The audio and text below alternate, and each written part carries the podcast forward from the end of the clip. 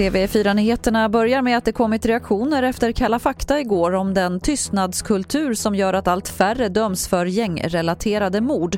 Från politiskt håll kommer krav på att tillåta kronvittnen och anonyma vittnen och polisen i Region Syd där situationen är som värst välkomnar den politiska debatten om hur man kan göra situationen bättre.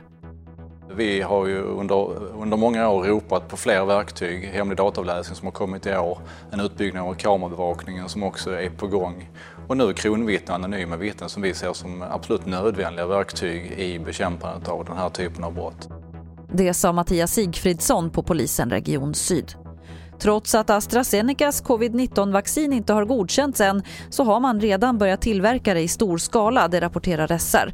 På så sätt står de beredda att leverera vaccinet i hundratals miljoner doser redan i januari, förutsatt då att det blir godkänt. Till sist kan vi berätta att en överläkare på Salgrenska universitetssjukhuset i Göteborg har fått sparken efter att ha jobbat trots uppenbara symptom på covid-19, det skriver GP. Trots flera uppmaningar om att gå hem stannade läkaren kvar och sa att hen hade antikroppar men så var det inte. 13 personer på avdelningen smittades. Det var det senaste från TV4 Nyheterna. Jag heter Lotta Wall.